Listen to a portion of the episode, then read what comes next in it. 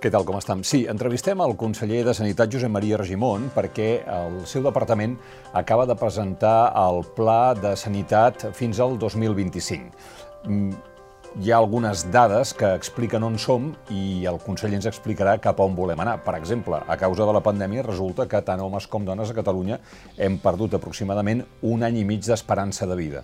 Això amb quin termini es pot recuperar?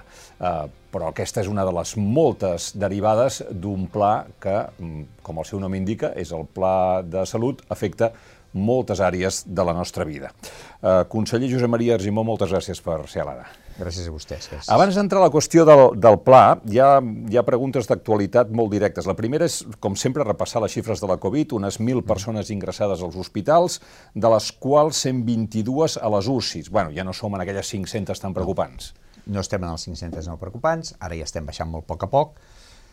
Pensem que hi haurà una frenada amb el que és la reducció de persones a les unitats de cures intensives, però sí que és una xifra que és més gestionable d'alguna manera i pensem que eh, ens quedarem més o menys amb aquestes 100 persones. Sí? Sempre hi haurà com... No, sempre no, però des d'aquest punt de vista, en aquests moments, nosaltres estem creixent ara una mica la incidència amb les persones de 60 o més anys, i això també fa que siguin persones més fràgils i que puguin entrar més fàcilment a les unitats de cures intensives.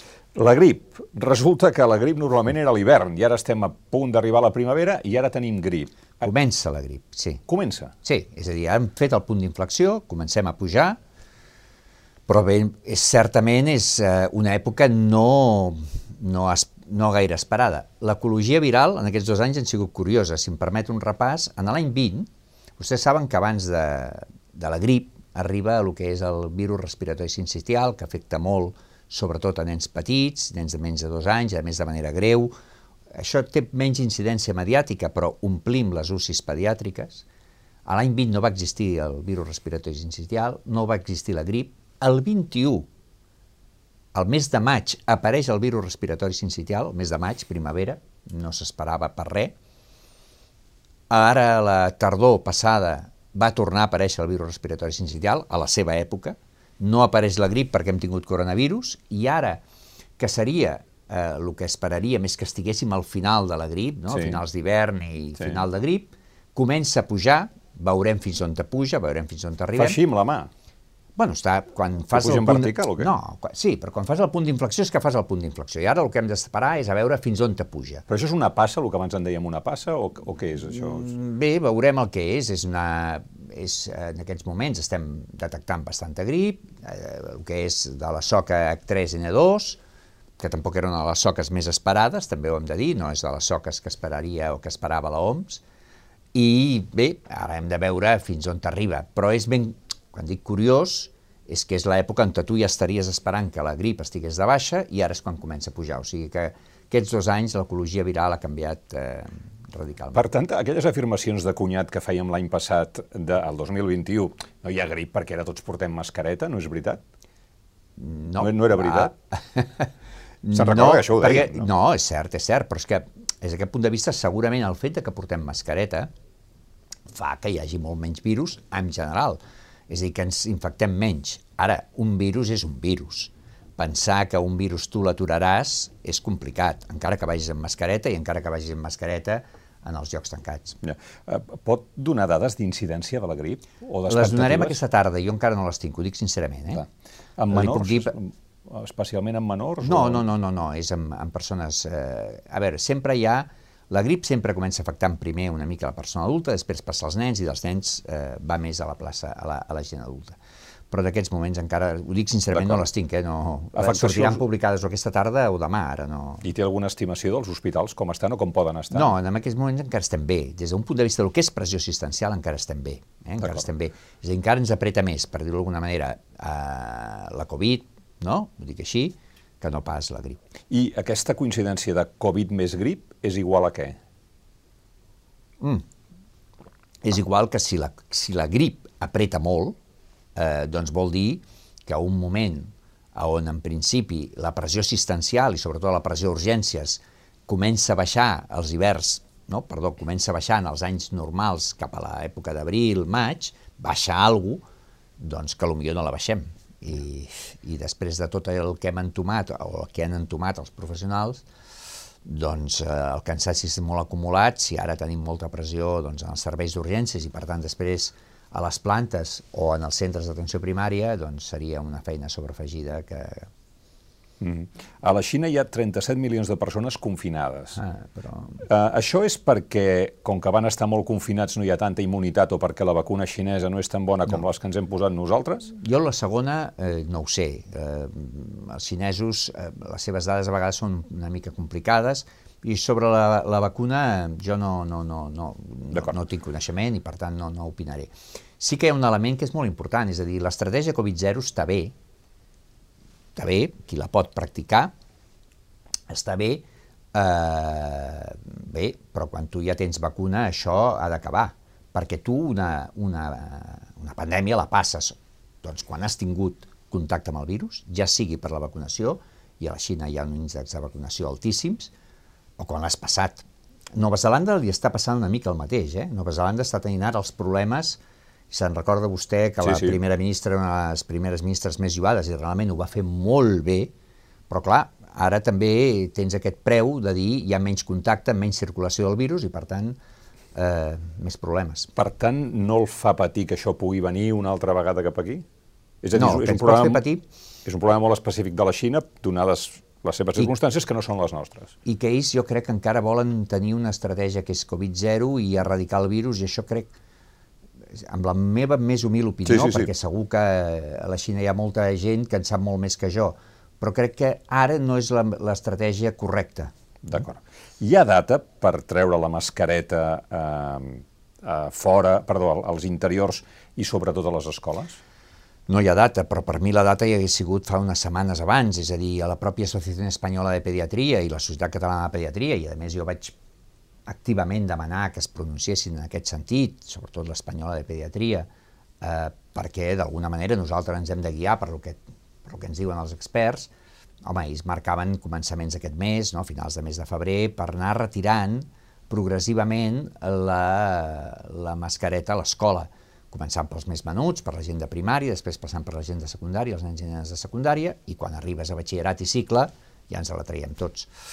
Jo crec que espero que sigui aviat, Algú avui, em, algú avui em comentava, bueno, però si puja la grip, la mascareta. Sí, exacte.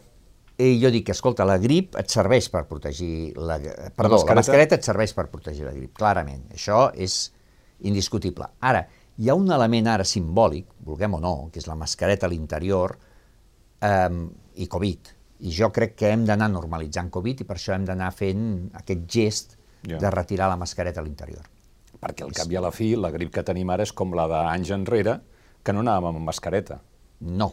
Una altra cosa és que eh, aquests dos anys ens poden fer canviar alguns hàbits. Segur. I escolta, hi haurà gent que portarà mascareta. Miri, va, va haver-hi una, una notícia d'una noia jove, una persona jove, que havia patit diversos, un parell, diversos, diversos transplantaments de pulmó. E, ella sortia en els mitjans mm. i per tant ho explicava i explicava una cosa, una anècdota, que és dir, clar, a l'inici li van dir, tu quan vagis a classe i això, als llocs tancats tu porta mascareta.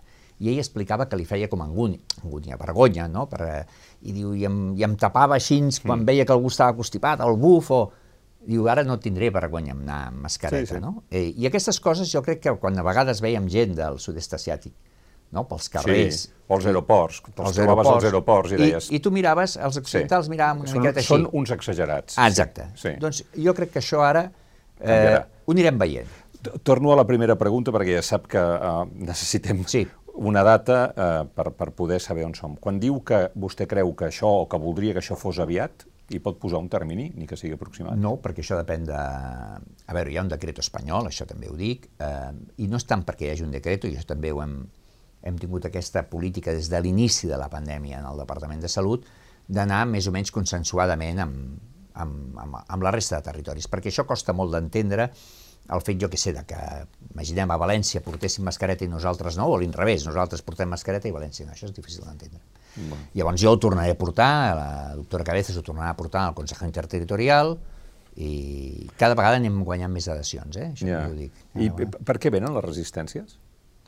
Per prudència, jo crec que la gent té molta prudència eh, i jo penso que hem de ser molt prudents, és veritat que hem de ser prudents, però tampoc no ens ha de fer vergonya, quan dic vergonya vull dir, escolta, eh, si, ens, si les coses van mal dades, fem un pa, una passa enrere, això Ho hem, ho hem fet, ho hem tingut que fer més d'una vegada i no passa res. No passa res. Ho hem d'explicar i saber-ho explicar, res més. L'OMS ha demanat no reduir el seguiment del Covid per por a un nou descontrol, però en canvi ara aquí han decidit que ara hi haurà uns CAPs no?, que recolliran les dades representatives sí. de la població. Sí, però això, és, eh, això també va en consonància amb les recomanacions de l'OMS, eh? és el que se'n diu la vigilància epidemiològica reforçada. El que no podem fer amb totes les eh, infeccions de virus respiratoris de, virus respira, de vies respiratòries, perdó, és eh, doncs, seguir cas a cas. Això és molt complicat.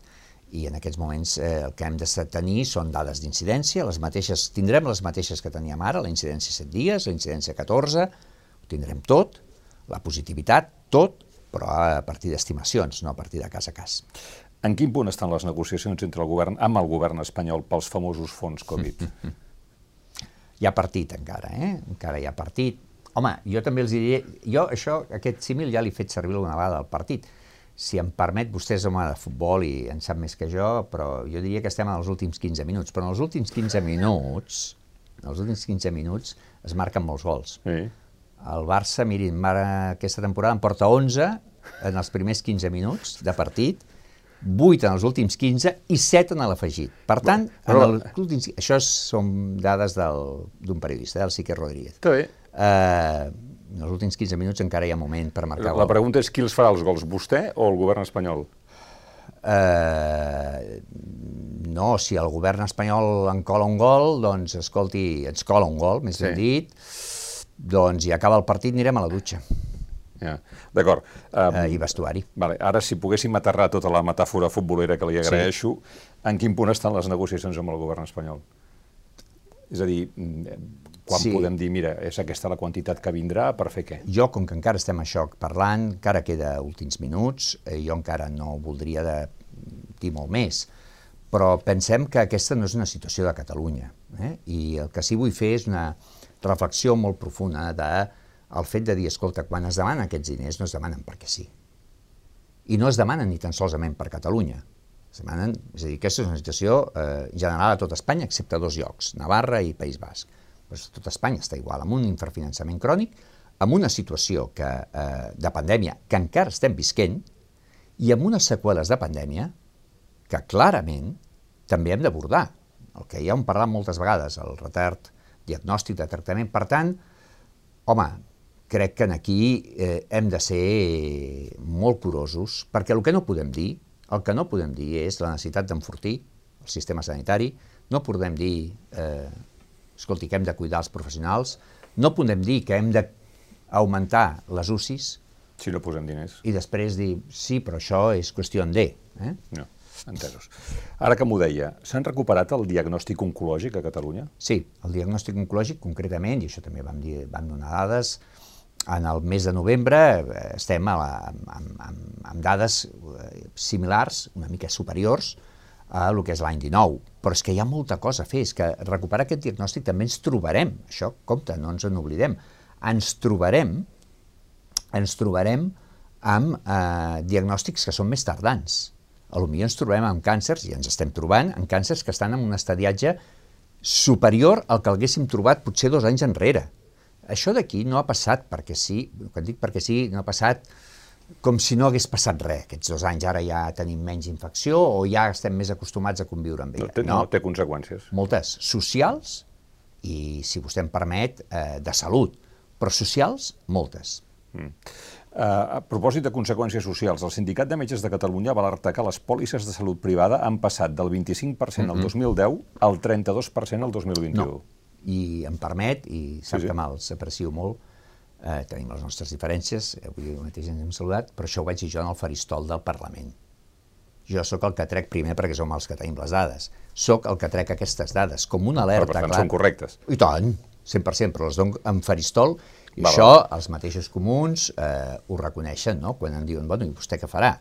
No? Eh, I ho dono per alertar d'un element molt important, que si nosaltres no invertim en salut, i quan dic nosaltres vull dir el conjunt de la societat, tenim un perill, que és un perill que és que les classes mitjanes se'n vagin.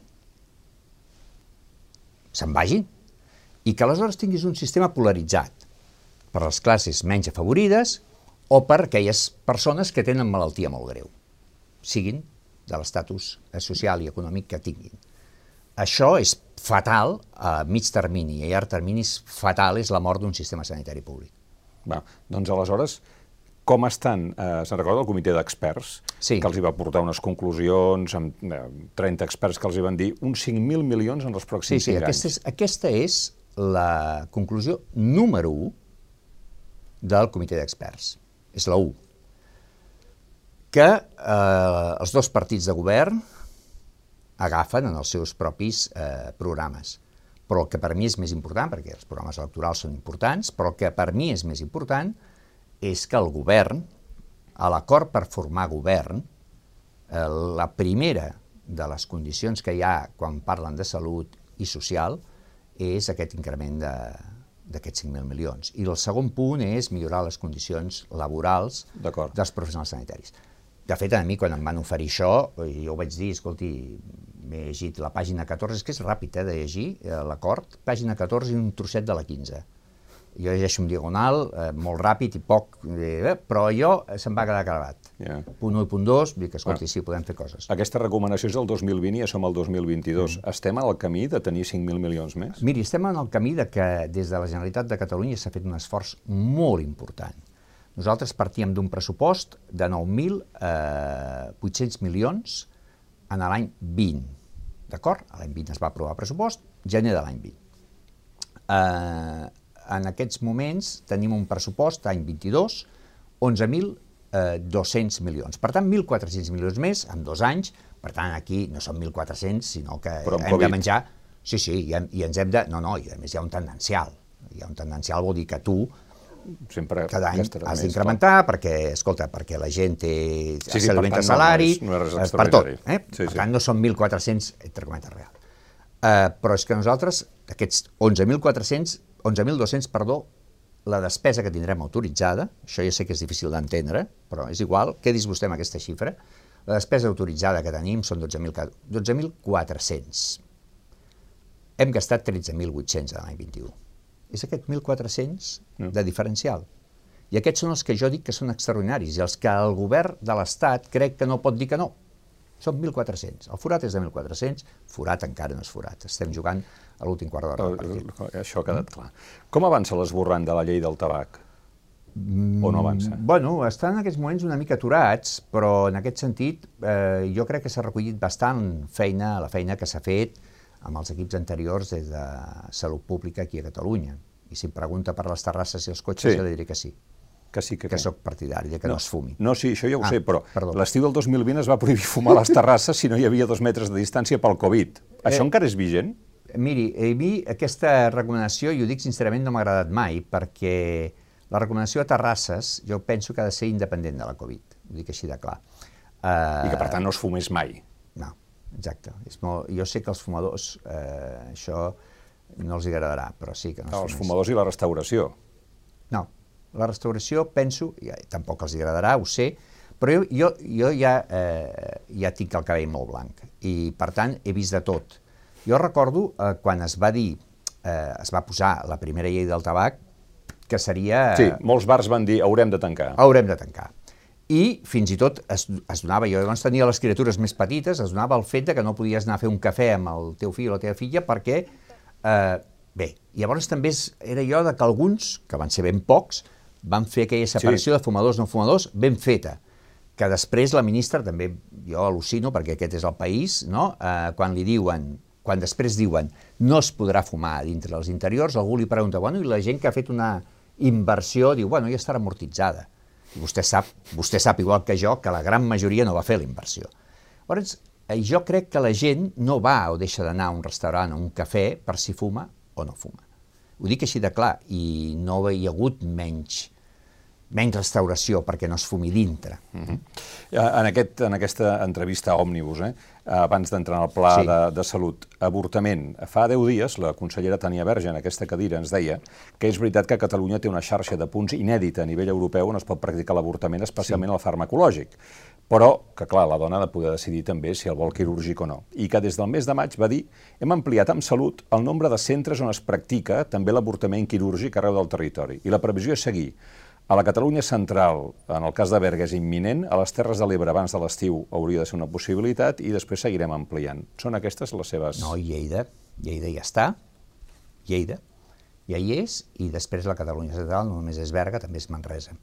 I aquí hem de fer un esment molt clar. En aquests últims set mesos hi han quatre llocs a Catalunya on es pot fer la interrupció voluntària de l'embaràs quirúrgic. Eh, en els últims cinc anys, cap. És a dir, s'ha avançat més que molts anys anteriors. I això és algú que jo també mateix en el Parlament ho vaig dir, és a dir, escolti, nosaltres el dret a l'avortament, la, el dret a interrupció voluntària de l'embaràs, està garantit. Catalunya. El dret a la informació, per tant, de farmacològic i quirúrgic, està garantit. I, per tant, la decisió en mans de, de la persona, de qui decideix eh, la interrupció o no i de quin mètode vol. El que sí hi ha és una inequitat territorial i amb això hem de treballar. Inequitat territorial, però és el que deia la, la, la consellera Verge, és, és inèdit a Europa la quantitat de llocs, o sigui, l'amplitud i l'abast territorial que hi ha a Catalunya. És a dir, que hem de treballar encara perquè és, encara hem d'aconseguir més, però és inèdit. Bueno, les associacions pels drets sexuals es queixen que amb el nou protocol amplia l'avortament farmacològic, però que clar, això és una mica una trampa, perquè vol dir, bueno, no. ja et don la possibilitat de, de més setmanes pel, pel farmacològic, però no et puc garantir el quirúrgic. No, primer, el que li he dit, són quatre llocs més en quirúrgic, amb interrupció voluntària de l'embaràs quirúrgic, però aquí hem de ser, ara, hem, hem, hem de dir també les coses quan parlem d'aquest nou protocol, aquest no és un protocol fet en el despatx del Departament de Salut, aquest és un protocol que el fan professionals de la Societat Catalana d'Obstetrícia i Ginecologia, amb el seu president al capdavant, de l'Associació de Llevadores, que ahir vaig estar precisament amb elles, parlant d'altres temes, eh, o la Societat Catalana de Contracepció, que quan tu poses al costat farmacològic i quirúrgic, també en aquest protocol hi han la informació dels pros i cons del farmacològic i dels pros i cons del quirúrgic que la tendència cada vegada més, no aquí, sinó arreu, és farmacològic per diverses raons. Però això sempre amb decisió, sempre la decisió és de la dona, però hi ha algunes raons. La primera és perquè és molt més fisiològic o s'assembla més a lo que seria un avortament natural i per tant cada vegada més més a lo que és més natural. I la segona és que és cert que és una, una interrupció, la interrupció voluntària de, la, per exemple, una alegre, la, la, la, la quirúrgica, és una intervenció poc, poc agressiva, certament, però no exenta de, de problemes i d'efectes secundaris. I sempre vas a buscar aquelles intervencions que són mínimament invasives. I un quiròfan, doncs és un quiròfan. Mm. Sap quantes targetes sanitàries s'han expedit als refugiats ucraïnesos a Catalunya? Eh, no exactament, eh, però tota persona que arriba, i nosaltres en tenim en aquests moments, pensem que estem al voltant de 6.000, és a dir, tampoc no ho sabem del tot del tot, eh, tothom que arriba té la targeta sanitària i la tindrà perquè és el primer que, que té. I dic que no ho sabem per una raó molt senzilla, eh, perquè aquest és un procés segurament diferent a altres processos eh, doncs, de refugi, o, entre altres coses perquè aquestes són persones pràcticament amb la ciutadania europea, per tant arriben doncs, amb cotxe, tren o, o per avió i poden anar a casa sí, diguéssim la... que tenen llibertat de moviments. Exacte, i, i per tant, i si fins, no avisen, que ells, no... fins que ells no, i segur que totes aquelles persones des de les pròpies organitzacions no governamentals o les famílies o amistats a les que ells han, han anat, el primer que els hi diuen i els expliquen és anar doncs, a buscar la targeta sanitària. Um, però diu una, una 6.000 aproximadament en aquests moments. Sí, sí, sí, però no són unes dades en aquests moments que no, tinguem ja, ja. Uh, fer faents. Eh? No, segur, i a més a més segur que augmentaran. Sí. Nosaltres tenim aquí censades a Catalunya entre unes 25.000 persones de eh, origen ucraïnès. D'origen ucraïnès. Per tant, seria normal pensar que amb, amb tot l'èxode que està havent i tot el desplaçament de persones que està havent doncs que eh, puguis tenir una xifra similar o superior, és que no ho saps. I això a vegades en el govern, les persones que porten més aquests temes, que és la, precisament la Conselleria d'Igualtat i Feminismes, és el que diu, és que no ho sabem, si vindran 25.000 o 30.000 o, o 40 o 10.000, no ho sabem. El, el govern espanyol ha portat nens amb càncer d'Ucraïna perquè siguin tractats aquí ja, o, o això encara no li consta? No, no, no és exactament el govern espanyol, eh? és a, eh, a través de, de diferents eh, organitzacions, hospitals, eh, i, i sí, hi haurà nens que vindran i ho explicarem i ho explicarem i donarem tota, perquè és el dret a la informació, però aquí també nosaltres serem, farem molt poca sobreactuació, això sí que hi heu demanat, des del punt de vista de, la, de salut. Què vol dir eh? demanar poca sobreactuació? És a dir, escolti, no, anirem, no hi haurà fotos, no hi haurà, eh, no aniran rebudes a l'aeroport, que això és gent que ve amb un dolor a sobre brutal, eh, si són nens, doncs imaginis, i per tant, eh, perfil baix. Mm. Pla de Salut de Catalunya 2021-2025. Per, per anar avançant d'una manera clara, què li sembla si veiem algunes, algunes xifres que ens permetran veure quin és el punt d'arrencada? Perquè si es fa un pla de salut és per actuar sobre un estat de les coses eh, actualment. No? Doncs veiem quin és el diagnòstic, podríem dir. En aquests moments tenim una esperança de vida que en relació al 2019 ha caigut aproximadament en un any i mig en homes i dones. Això és Covid. Això és Covid, Això és clarament COVID. COVID. Veurem un efecte eh, paradòxic, eh, paradoxal, que és que la mort per càncer, no? allò sí. que parlàvem dels diagnòstics, sí. serà ara serà una mica més baixa, perquè ens hem, la gent s'ha mort de Covid, és el, eh, els riscos competitius que diuen. Però d'aquí un temps creixerà la mortalitat per càncer i cardiovascular, que és del que ens morim més. Podem veure la mortalitat ara, sí? Eh? Uh -huh. Això ho recuperarem ràpid, eh, però? L'esperança de vida la recuperarem ràpid. Sí. Sí. En sí, un any o en dos?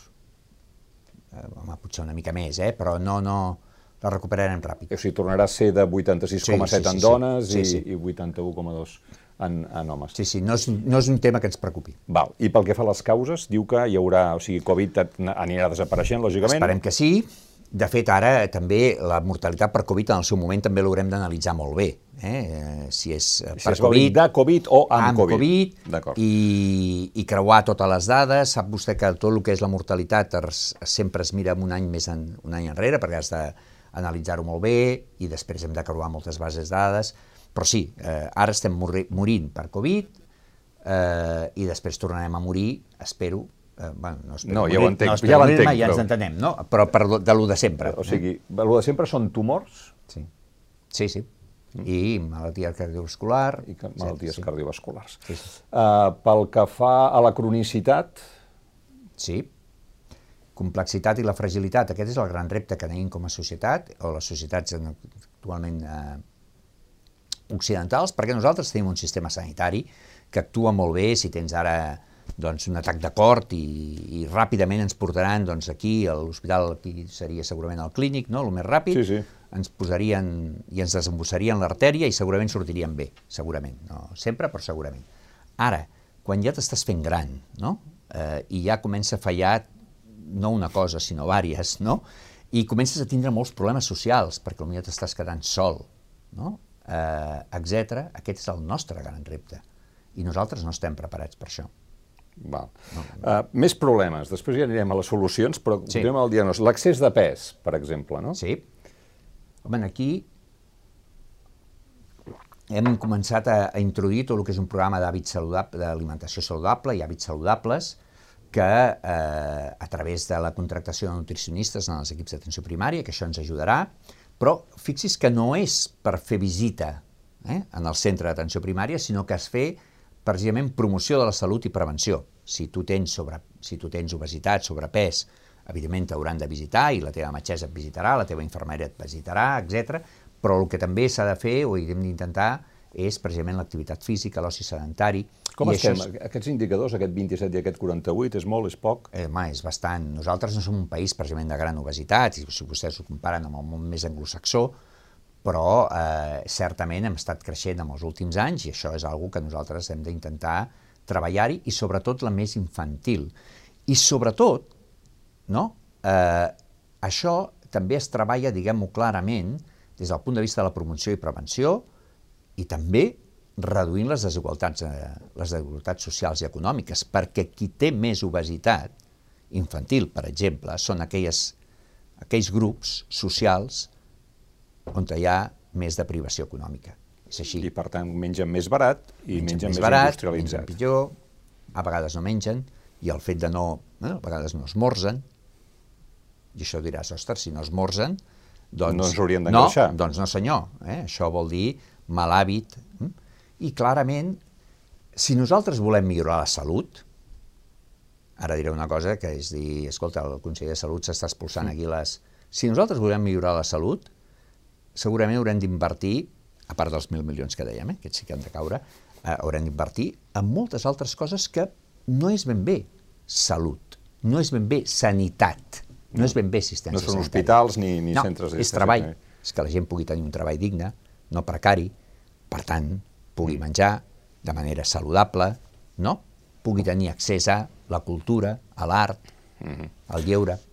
Uh, les addiccions, començant per l'alcohol. Sí, ha pujat. Això, la, la, el confinament i la pandèmia ha fet pujar les vendes d'alcohol amb un, gairebé un 30%. Això em sembla que ho comentàvem Sí, algun dia amb vostè. sí, sí, sí. No?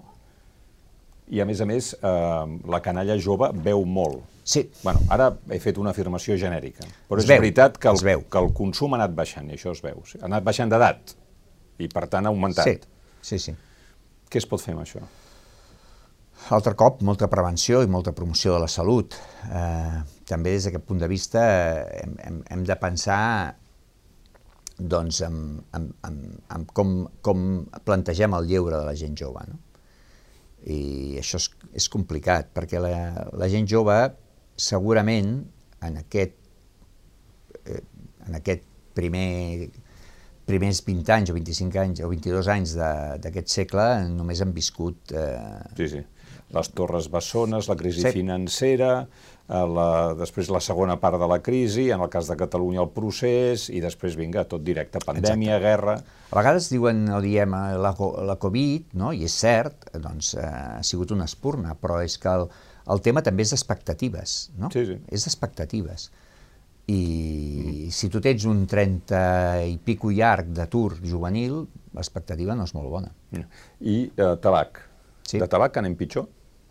No, amb tabac no... Eh, parla ara de la gent jove o parla general. No, no, no, no anem pitjor, sobretot anem malament amb les dones, en el sentit Bueno, de que... això es veu, no? allò? Sí, sí, clarament, amb les dones, aquí és on hem de treballar més eh, i hem d'aconseguir doncs, que es fumi menys, clarament que es fumi menys. Mhm.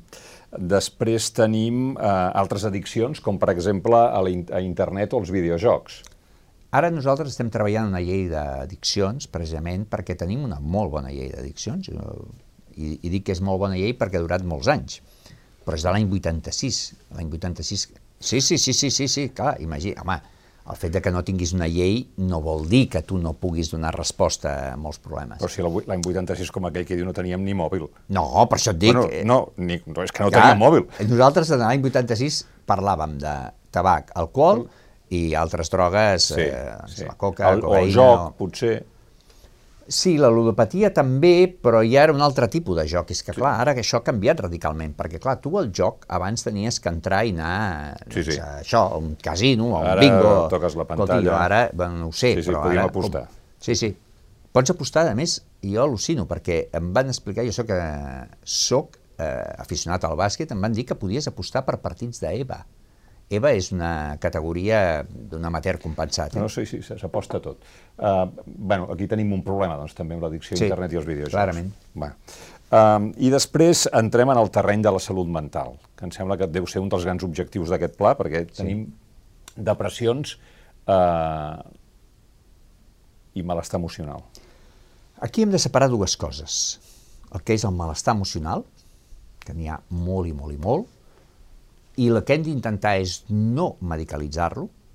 Per exemple, quan nosaltres, per exemple, posem aquests referents de benestar emocional, que són psicòlegs, eh, en els equips d'atenció primària, en portem ja més de, ja portem 200 i acabarem aquest any amb, amb un psicòleg a cadascun dels equips, el que ja intentem és que no siguin ni psicòlegs clínics, és a dir, intentem que això no sigui medicalitzar del que és clarament malaltia, malaltia que hem de tractar, que hem de tractar a vegades amb medicament, a vegades sense medicament, però, però certament hem, hi ha molt malestar, hem d'intentar no medicalitzar-lo, hi ha molt malestar entre els professionals sanitaris també. Ahir treia el Col·legi de Metges, el Consell de Col·legi de Metges treia una estadística que deia que el 30% està prenent pastilles. Sí.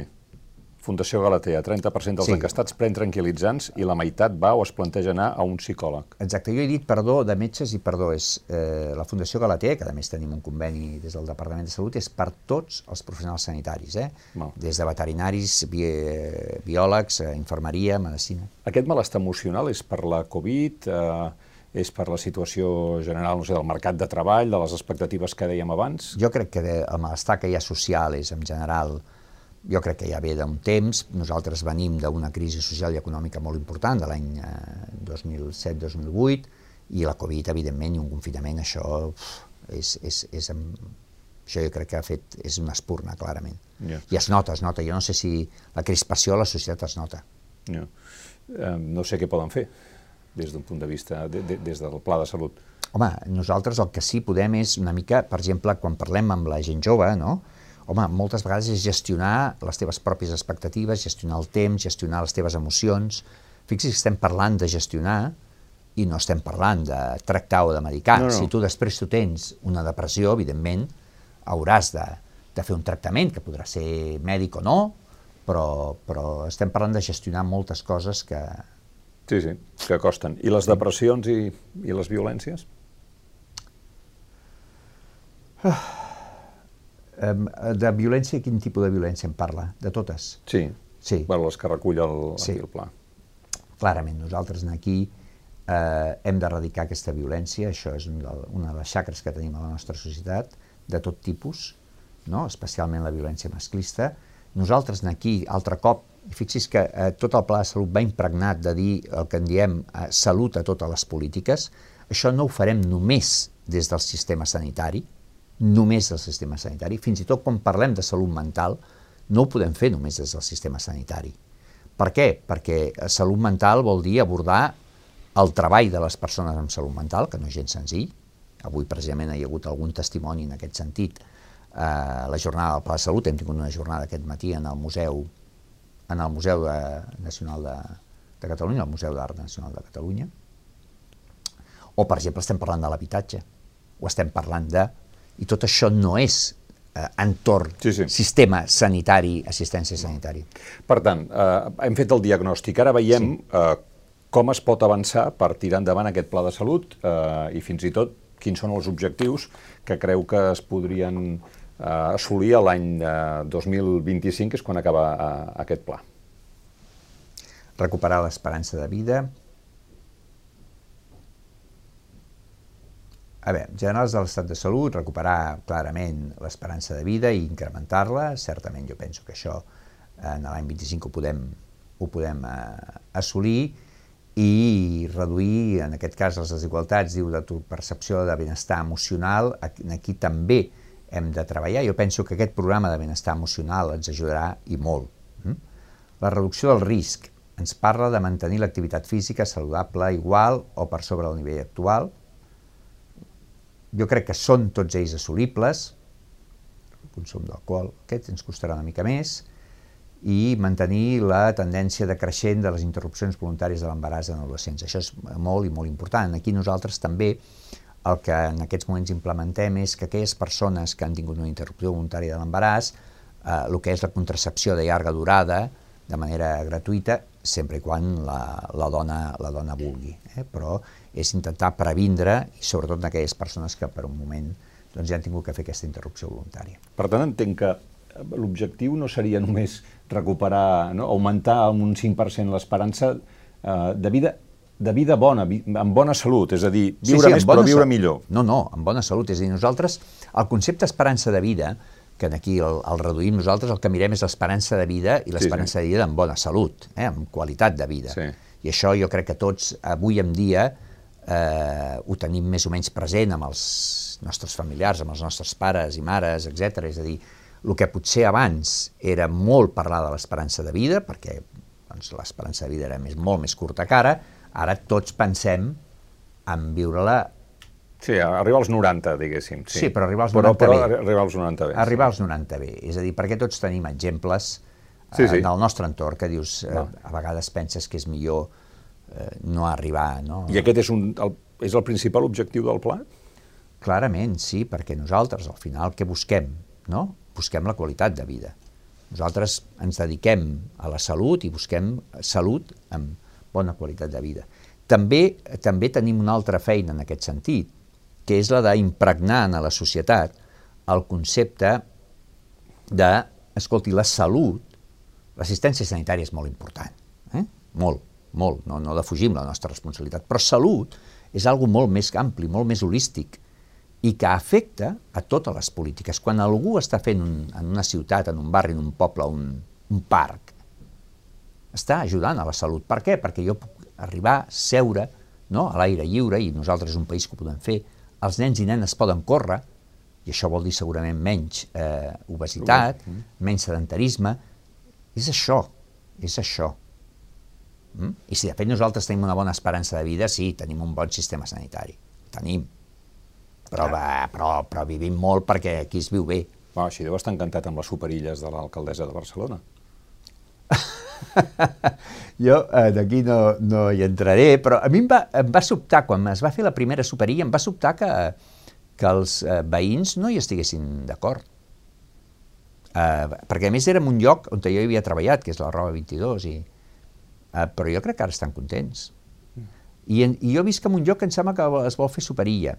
Jo l'únic que demanaria, si es pot, eh, eh, si es pot, si podem això fer peticions, home, que no s'obrin més llicències de cafeteria. Eh, més que res perquè això sí que és qualitat de vida, eh, el soroll a la nit. Clar, clar, que tot el que guanyis en contaminació en, ho perdis en contaminació acústica. Eh, acústica, eh? eh per exemple, Enric Granados té contaminació acústica. Ho dic per algú que viu allà. És molt maco quan hi passeges durant el dia, per la nit, si vius, no és tan maco. Si vas i, i sopes a la, fora a la terrassa, Segurament sí, però qui viu no. Va, però és l'únic, eh? Però si no, per mi... No, li traslladar... Si no, ja li estan bé. A mi... Les superilles. Sí, sí, escolti, sí. que es pugui caminar i a mi m'està bé. L'únic, eh, el soroll acústic. El soroll acústic. Això sí que, si vostè li trasllada... Sí, sí, de, de part seva, conseller. No, Moltes gràcies. Tenim molt bona relació eh, amb l'alcaldessa. La, ah, sí? Sí, jo amb l'alcaldessa, sí, sí, sí, sí, les poques vegades que ens hem vist tenim bona sintonia, sí. Ah, bueno, molt bé. Però no sé si em farà cas amb, les, amb la contaminació acústica. Conseller Josep Maria Argimó, moltes gràcies per haver vingut. A vostè, a vostès per... Gràcies també a vostès per haver-nos vist. Els seus comentaris seran eh, benvinguts. Fins una pròxima ocasió.